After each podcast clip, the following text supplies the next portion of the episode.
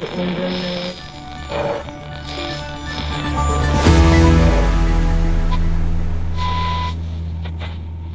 och välkomna till 6 minuter, en nyhetspodd i kortformat från tidningen Arbetaren där vi kort sammanfattar den gångna veckan.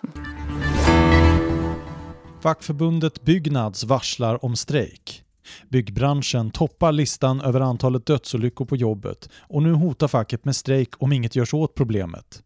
Utöver arbetsmiljö handlar strejken också om att få till en kollektivavtalslösning för att komma till rätta med den utbredda kriminaliteten bland arbetsköparna i branschen. Men arbetsköparparten i förhandlingarna vill inte gå med på fackets förslag utan att få försämringar i utbyte, menar facket. Om vi inte går med på försämringar för våra medlemmar vad gäller lönesystem och inflytande på arbetsplatserna, då går de inte med på det. Det säger Johan Lindholm, Byggnads ordförande. Arbetsköparorganisationen Byggföretagens förhandlingschef Mats Åkerlind kallar däremot strejkvarslet för oansvarigt och upprörande. Hans syn är att strejkvarslet bara handlar om pengar. Om parterna inte kommer överens går 1400 byggnadsarbetare ut i strejk den 27 november.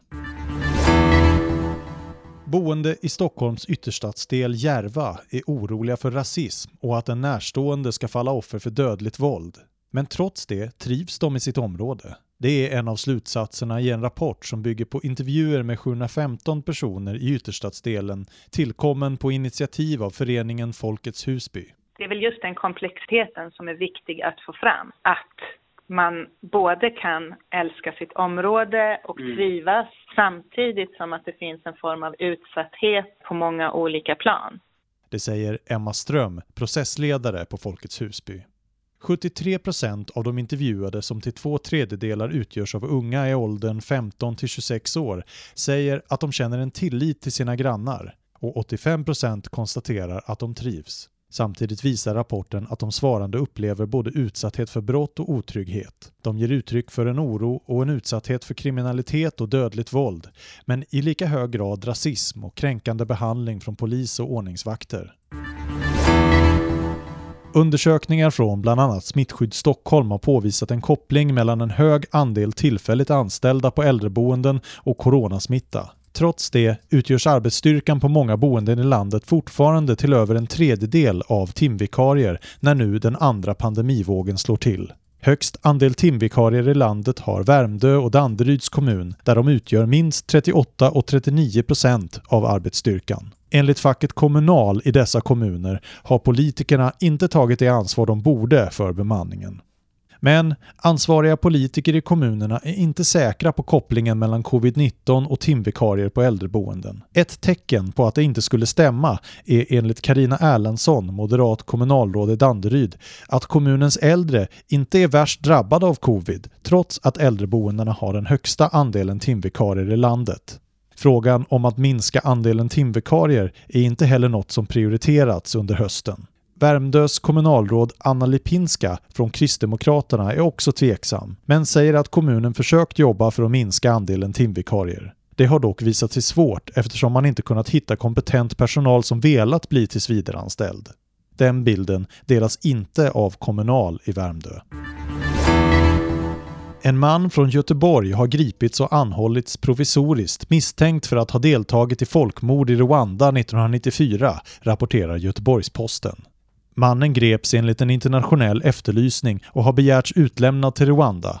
Samtidigt har en svensk utredning påbörjats i fallet. Mannen är misstänkt för folkmord, anstiftan till folkmord, medhjälp till folkmord samt grovt folkrättsbrott.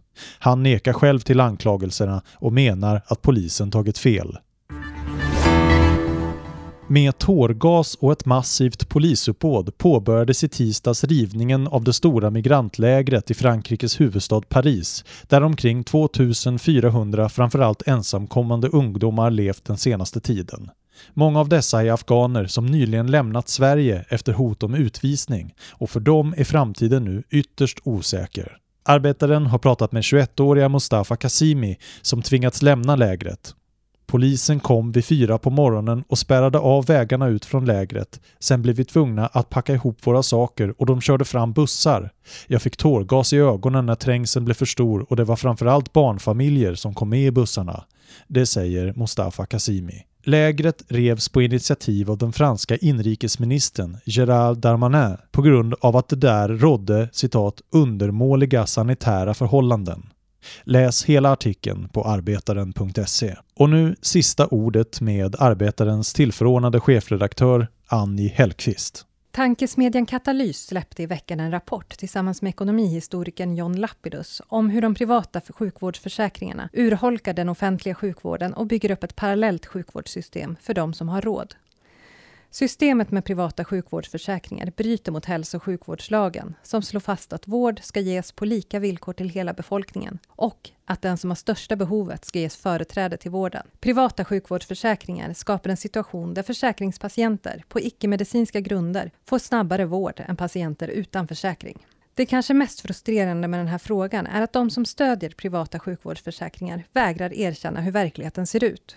För drygt ett år sedan röstades en motion för att säkra att personer med privat sjukvårdsförsäkring inte skulle gå före i vårdköerna ner av alla partier i Region Stockholm, utom Socialdemokraterna och Vänsterpartiet. Motionen föreslog att vårdinrättningar som tar emot offentligt finansierade patienter inte också skulle få ta emot försäkringspatienter, eftersom det är då skiktningen mellan de olika patientkategorierna uppstår.